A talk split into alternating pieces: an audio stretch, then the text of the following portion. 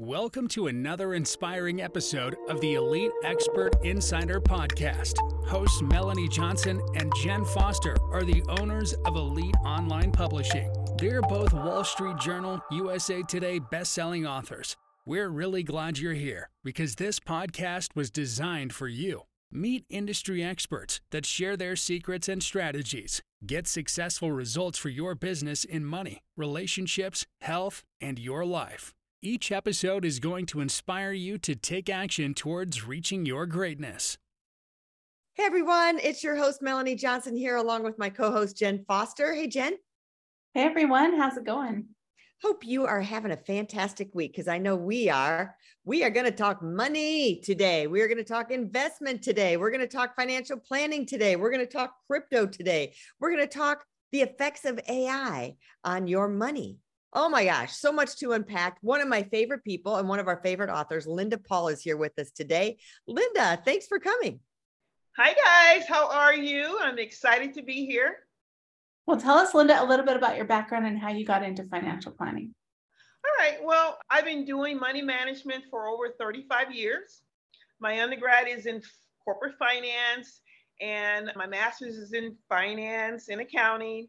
And so when I graduated from my undergrad, I landed a really nice position at Abbott Laboratories, a Fortune 100 company. I was very pleased. They put me right in the spot where I had been training in my undergrad, and that was international marketplace. In my undergrad degree, I have a corporate finance degree, but my minor is international business. And so I was able to land a position at Abbott Laboratories in mm. that role. And I had a wonderful career there. But it came a time where, you know, I needed to have more as far as work life balance. As you know, corporate America has a very strenuous work environment and so very competitive. And I had decided that I wanted to do a little bit more I wanted to have a little bit more freedom. So I decided that I was going to do financial planning, but it, I wasn't clear on what financial planning meant for me in my career. Mm-hmm. And so I was, I had already given my final notice at the corporation and they treated me so well. And so I was just basically hanging out and training the person who was going to replace me. And I had a really good friend who came to my office and she was an older lady. She had shared with me that she was getting ready to retire. And so I said, wow, that's really exciting. I was really excited for her. And then she showed me her retirement statement, her 401k statement, and she was visibly very nervous. And so, with her hands shaking, she said, Oh my God, Lynda, I'm getting ready to retire, but I don't know what to do with this information. And she said these words to me. She said, Lynda, you're the only one I can trust with this information. So at that moment, in my opinion, it was a God thing because I was leaving the corporation. I was going to do personal financial planning. I didn't know what area I was going to specialize in. And she landed in my office with information about retirement planning. And at that moment, I had decided that I was going to be a retirement planning specialist because the fact of the matter is that she could trust me and she became my very first client. So, fast forward 35 years, I am now doing financial planning and I have a boutique office in San Antonio. My clients are based in, I have about 15 states my clients are in. I manage millions of dollars for clients and I'm very happy with helping my clients enjoy retirement. So that's what I you do. Know, retirement it's a scary word in a lot of ways right i mean i think about will i have enough can i keep my same lifestyle where should i be putting my money now what buckets do you kind of do you know you hear about you know should how do i get reoccurring income you know estate planning is a whole nother can of worms too and then there's the tax planning because you think oh well i've got x amount of money that's making me x amount of money whether it's in the stock market maybe you're getting residuals but then oh by the way remember that money's getting taxed. So you're really not going to get all that money every year. There's so many moving parts. Kind of break it down for us, Lynda. Can you make it simple for me? there are a lot of moving parts, and the only thing that's constant is change. The tax law changes, we change as individuals, our plans change. Mm-hmm. So, and life throws in a few curveballs as we go. So yeah, financial planning is is a moving target. But the one thing that is that I help people to understand is it matters what you would like your retirement to look like. If you mm-hmm. think about retirement planning, envision a bouquet of balloons filled with helium. You go into an open field and you have 500 balloons. If you release those balloons, they go into a lot of different directions in the air. That's mm-hmm. what retirement planning looks like. for every individual, they have a different plan for their retirement. And mm-hmm. so some people want to work in retirement. Some people want to sit on the couch in retirement. I highly recommend against the second one, but people have a lot of different ways of how they envision their own retirement. And so I help them understand first and foremost what it is that you would really like to do in your retirement. And once you get that idea, how would you like to proceed as far as managing the money? And there mm-hmm. are six different areas when you talk about financial planning. There's six different areas. The first one is financial positioning. So I help people to understand cash flow. Cash flow is king. So the first area is financial positioning, and that's the cash flow part of it. The second one is risk analysis. Now, we can have a wonderful plan, but then there's three things that can happen to us. We can die too soon. We can live too long and we can become disabled in the process. So when we take a look at, you know, our cash flow, we have to always figure out what do we need to do to mitigate our financial risk. So that's the second area. First area is financial positioning, that's the cash flow. Second is risk analysis. The third one is tax planning because the Uncle Sam, which basically he's no uncle of ours, but you know, the IRS has something to say about our money. So we do some tax planning. And my background as a certified public accountant, I actually study the tax code. And so I have an advantage in that regard because when we take a look at money, I have an idea on how the IRS views that money and how you can keep more of it. The next area is retirement planning. And you know what? Sometimes retirement, it is a little bit of a daunting task to plan for mm-hmm. retirement, mm-hmm. but I like to look at it as when work becomes optional. So some people, my husband, by the way, has been retired for four years, but he's still working. He has two jobs, excuse me, two businesses that he's running. So, whereas financially work is optional for him, he still wants to keep busy mentally and physically and stay connected in the business world. So, retirement planning for me is not necessarily where you stop work, but when work becomes optional, just mm-hmm. a good mm-hmm. it's a good place to be. And then we take a look at wealth accumulation. Because once you have your savings, you want it to accumulate, of course, but we're in the in, in that stage, we're in the preservation stage. So we want to make sure the money grows, of course, but we want to preserve what you've already accumulated. So we want to protect it. So, you know, it's those are like a dual goal. And the mm-hmm. final thing is estate planning. Because as we live out life, no one gets to get out of here alive. So we need to plan for the day after. And so we do that while we have all of our facilities and we do estate planning. And there's a lot of things involved with that. So those are the six areas of financial planning. I go over every piece of those with every client. And those things do change as we progress in life. And so I absolutely love the challenge. It's like putting together a puzzle and we take a look at the pieces individually and then we put it all together. And I absolutely love it. That's awesome. When you talk about the risk, I think that's something that people don't think about. Like when I think about retirement, I'm just thinking about like what I want to do, like travel or what I want to, how I want to live, where I want to live. I'm not thinking about how long or if I accident, you know, if there's an accident and I get, you know, hurt. So I like that you talked about that risk part of it. Yeah, it is very important because a lot of people don't think about it. No one wants to think about something bad happening to us. So we want to mitigate the risk where we can.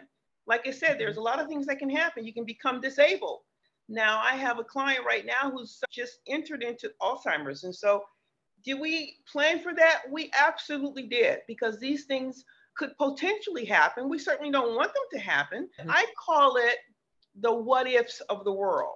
You know, mm-hmm. what if this happens and what if this happens? And so, and it could happen at any stage of the game, right? At any mm-hmm. age. I know people who have become disabled at age 20 Mm-hmm. I have a client, I had a client probably about 20, 15, 20 years ago. She was in her early 30s and we were doing financial planning for her. And I've got, I've received permission to use her real name. Her name is Diana. And I said, Diana, you know, you're making really good money. And I'm really happy about that. And we're going to start, we're going to set, she was a business owner. So we're going to set up the SEP IRA for you to plan for your retirement. But what happens if you should pass? No one wants to talk about that at age 30. So mm-hmm. she said, you know what, you're right. I should think about that. So I was able to secure some life insurance for her. I am telling you, two weeks later, I receive a phone call. Say, you know what, Lynda, it was Diana's husband. Lynda, Diana is in an emergency room. And I said, oh my God, what happened? And I said, you know, keep me posted. They released her from the emergency room and she went up to, on her way home. She actually had an aneurysm mm. and she died. And so yeah. I did not even have the life insurance approved then at the point. We had the application in, but it was not approved. And you're talking about somebody sweating. So, oh my God. I called the insurance company. And because everything was legit on the application, they paid cash to her family. Wow. It was a most beautiful situation in an unfortunate circumstance. But so, yes, no one likes to think about the risk of dying mm-hmm. too soon or even the risk of living too long. The worst thing you can have is you have a lot of life and no more money, you know, because a lot of people not play, have not planned properly for retirement. So in disability. You know, you just in long-term care, those are things that we don't like to talk about. I only talk about it very briefly. We take care of it and then we move on to the fun stuff like wealth accumulation and purchasing those properties so you can have some income coming in or setting up a guaranteed income stream if you're a doctor and you don't know what's going on. So those are the fun parts, but the other parts have to be discussed as well. All right, we're kind of on this state, but I have a couple questions for you first of all, because I'm 60. So, you know, Social Security might be around the corner somewhere, but can you work and collect Social Security? You absolutely can. Okay. So I needed to know that because I was like, oh, no, you can't get an income. I'm like, well, that stinks. So that's good to know. And then I keep hearing, you know, I have my house in a trust, but yes. they're saying, you know, a certain type of trust. I have other real estate investments. How should people structure those entities so you don't have a state tax? Well, first of all, estate tax is not, they keep changing the number. And my recollection, I think it's about 12 million not right now. If you have mm-hmm. ex- excess of 12 million, then you will be subject to estate taxes. Now, there is very few ways you can not hide, but you can strategically position yourself so that the IRS does not attach themselves to mm-hmm. your assets. And, you know, there's a couple of trusts. There is a uh, credit shelter trust. It just depends if you're married, there's a certain kind of trust. If you're mm-hmm. single, there's a certain kind of trust. And if depending on who your beneficiaries are. So mm-hmm. you can set up a trust based on your personal situation in a lot of different ways so you can mitigate your tax liability upon mm-hmm. passing. And so, but those should be that should be discussed right now. So mm-hmm. that you, but at the same time, tax law changes. With every new administration that coming, comes into the White House, they have a discussion about tax and estate planning. And so you still have to stay on top of that to keep your money protected. And so, so some often, trusts may not. How often yeah. should you review your estate plan to have it updated with the laws? Is it like every time an, a different president goes into office? Or well, I think you should review it. I think you should review it once a year. And really? It, it could be just a one hour. Now you have to know, you know, when you're dealing with a financial advisor, they already know what has changed in your personal situation. So they should be pr- proactive in mm-hmm. contacting mm-hmm. you. Say, you know, listen, Melanie, you, you know, your trust says this and this. We have to make some, you know, some codicils. We have to make some changes in your trust and some of the mm-hmm. language. Now, if you don't have a regular relationship with a financial advisor, it's a little bit more of a daunting task then. So, mm-hmm. because with a financial advisor, you have a partner, and I review these things once a year with my clients. Now, mm-hmm. nothing has changed. I just say, you know what, nothing has changed. But mm-hmm. it's always a good idea to keep eyes on your mm-hmm. estate plan because things do change. Tax law changes, yes. Mm-hmm. For sure. That's very interesting. So, can you use your estate? Can you, if you have a different lawyer or a different financial planner, can you use the same trust? Can you bring it to them and they can edit it, or how does that work? Absolutely. So, the attorney is the one that actually do the trust, right? So, the financial advisor may make some recommendations and say, you know, we need to have this change. I don't do any trust. I do have a relationship with attorneys. And so mm-hmm. I am the, the go between because mm-hmm. attorneys, they speak in different languages. You know, a lot of mm-hmm. people just don't understand. And so mm-hmm. I am there to help translate some of the legalese for my clients. So I'm in all those meetings. And then once you have your trust set up, things change. You can actually go to a different attorney to update your trust. So yeah, they just have to put in a codicil here and a codicil here, some changes here, and you have the same core document with the changes. And so I actually unfortunately had a client who recently passed and she had updated her trust five times. And the fifth time, unfortunately, her husband did not know. And so he's calling me with, you know, you know, I don't understand why. I said, well, I'm sorry, but you are not the trustee. I cannot speak with you. And so, you know, these are the things that you need to stay on top of things yourself, even at, even as a spouse. So mm-hmm. you have to mm-hmm. keep those lines of communication open. So, you know, I don't want to go into all the details as far as this is very technical stuff and it's very personal. And you have to make sure that you're crossing the T's and dot the I's and if you're busy, you know, playing on the beach, like a lot of retirees do, or you're, you know, gallivanting around the country in your, you know, your RV, you just don't want to spend time talking about these technical issues. And so therefore, I'm going to be an advocate for the financial advisory business in that you need to have a financial advisor to keep you on top of these issues and that way you can worry about, you know, is it going to be a strawberry margarita? Or, you know, if you want bourbon on the rocks, and you don't have to worry about the other stuff so much because you mm-hmm. have an advocate on your side. Right. That's what I do. Awesome. I allow you to drink the strawberry daiquiri or the straw or whatever. Think about those decisions so you don't have to worry about the real serious money decisions. I love that. Well, tell us about your most recent book that you just wrote, Making Sound Money Moves.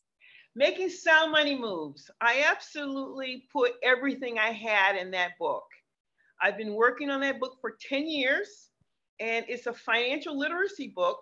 Actually, I designed it for young adults, but I think everyone who reads the book will be able to get some nuggets of information, good, solid nuggets of mm-hmm. information in I am convinced that anyone who reads the book will improve their financial IQ. Can't give a guaranteed money back guarantee, but I think it's money well spent. I love that. So you're talking about the young people, you know, AI is all over the place. How is AI affecting the financial advisory market and finances? And well, it's been around for a long time already. A lot of people may not be familiar with it, but anytime you make a phone call, to your financial advisor or the wirehouse where your money is. You're talking to some kind of AI or some kind of digital receptionist where they know who you are once you put the information in and they re you know redirect you to work. so we've been living with ai for some time but things are changing right now they're accumulating data and they're mm-hmm. putting it into the system about because we already know who you are right you go you know with your smartphone they know what you like to eat they know where you like to vacation they know who you talk to on a regular basis they already mm. know these things about you. And so now they're in the process of putting it all together to what they say to make your life easier. But it almost feels like we have no more privacy. And so mm-hmm. these AI, you know, digital type of tracking mechanisms are now taking a look at how we are investing our money. And so, you know, if you are prone to invest your money with mutual funds, then the recommendation is that you should be purchasing these types of mutual funds. Mm-hmm. If you like individual stocks, then they will start to recommend individual stocks based on your living behavior. So mm-hmm. it's exciting and scary, all wrapped up into one bundle of just overwhelming data sets that they're collecting. Mm-hmm. So it's exciting because um, we now can create a portfolio just based on what you say you like. But the unfortunate thing is we just don't have the information is not very current. So what they have in the database right now is probably about two years old. And so as you know in financial planning in the financial world, things yeah. change on the regular. Yeah. So it will never replace a financial advisor because we, you know, we like to stay up to, you know, up to speed on a lot of things that are current now. But I think it's a good beginning place for people who are new to investing mm-hmm. to maybe have the AI community help them maybe draft a portfolio of some sort. Yeah. And what do you think about cryptocurrency? Because I know it was big and now it's not as big. What is your take well, on it? Well, it's exciting because it sounds different. You know, our brains, we really want different stuff. You know, we get bored and, you know, when we see something that's new and exciting, we get, you know, we get excited. And as the pendulum swings like that, we're way over here, way too much excitement for currency. The way I see it, it is like the Wild West. Mm-hmm. So they want to decentralize the money game. Right now, if we want to go get a loan, we go to the bank. The bank is an intermediary, right? So there's the third party, they facilitate the transaction. But with cryptocurrency and the blockchain and all those things, they are trying to remove the middle guy and have you go to the two parties to communicate yourself and eliminate the middleman. Well, that sounds attractive, right? Reduce fees and you know, mm. no misunderstanding because you're dealing, you know, with these people directly. The problem is who's going to police these types of transactions? So what we've seen and has not been publicized much is that the cryptocurrency websites and the blockchain infrastructure has been attacked massively by people, and they're actually stealing the money. As you are exchanging this for this with these with the people directly, someone is going in there and stopping the action and stealing the asset. Mm-hmm. I'm hearing a lot about that. And so this is the problem when you try to remove the intermediary. You mm-hmm. you get into a lot of bad actors coming in and they are ruining the party. So it's going to be a little while before we can standardize, I guess, this cryptocurrency and this blockchain action. And so it sounds sexy. Everybody wants to talk about it, but it's dangerous. And so you have to know exactly what you're doing. I do not advise, I do not advise people to get into cryptocurrency until you until we've seen more more legislation, I think, for your protection. Yeah. Yes. Yeah, even Coinbase, I've used Coinbase and you know, their stock's gone down in the dumpers. They're being sued, and you're wondering, like, should I pull my money out of Coinbase? I mean, is it okay to be in Coinbase? You, you start to just worry about all of that. There's so many unknown things, and people did lose a lot of money with some of those companies that just went upside down and someone stole for them. Yeah, Crazy. I mean, it really is. It's the Wild West, and Yeah, so you know, you I would not invest not Mhm. one penny unless you can afford to lose it. And you know, sometimes it's good to be first to the market, right? Everybody, you know, wants to be a part of the excitement, but with that comes risk. And so, if you can't afford to lose money, then I would say that you want to avoid cryptocurrency at this stage. Yes. Yep. Tell us, Lynda, where people can go to find you and to get your book and to read more about you. All right. Well, I have a couple websites, Sound Money San Antonio and lyndapaul.com. So if you want to know a little bit more about me and my background, and you can get my books at all the bookstores that are that that sell books. And I'm very excited that my audiobook is coming out pretty soon. So I'll have it in all formats. You can get an ebook, you can get a paperback version, hardcover, and soon an audiobook. So I'm very excited to introduce my book into the world. Love it. Thanks for coming today, Lynda. We really appreciate you. You're always such a joy and inspiration for all of us. Thanks so much. Great. Thank you. Thank you guys for having me. Appreciate it. And if you're looking to write a book, connect with us at eliteonlinepublishing.com and hit the author submission button. Have a great week, everybody. We'll see you next time. We'll see you next time. And you can get Lynda's book at her website, which we also created. So you can publish and get a website. Hey, are you looking to increase your revenue, build credibility, and elevate your brand? This podcast is brought to you by Elite Online Publishing, an innovative publishing and full spectrum marketing company.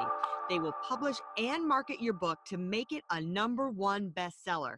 Becoming an author is the best way to market your business. So contact them at eliteonlinepublishing.com today. All of their authors become number one bestsellers.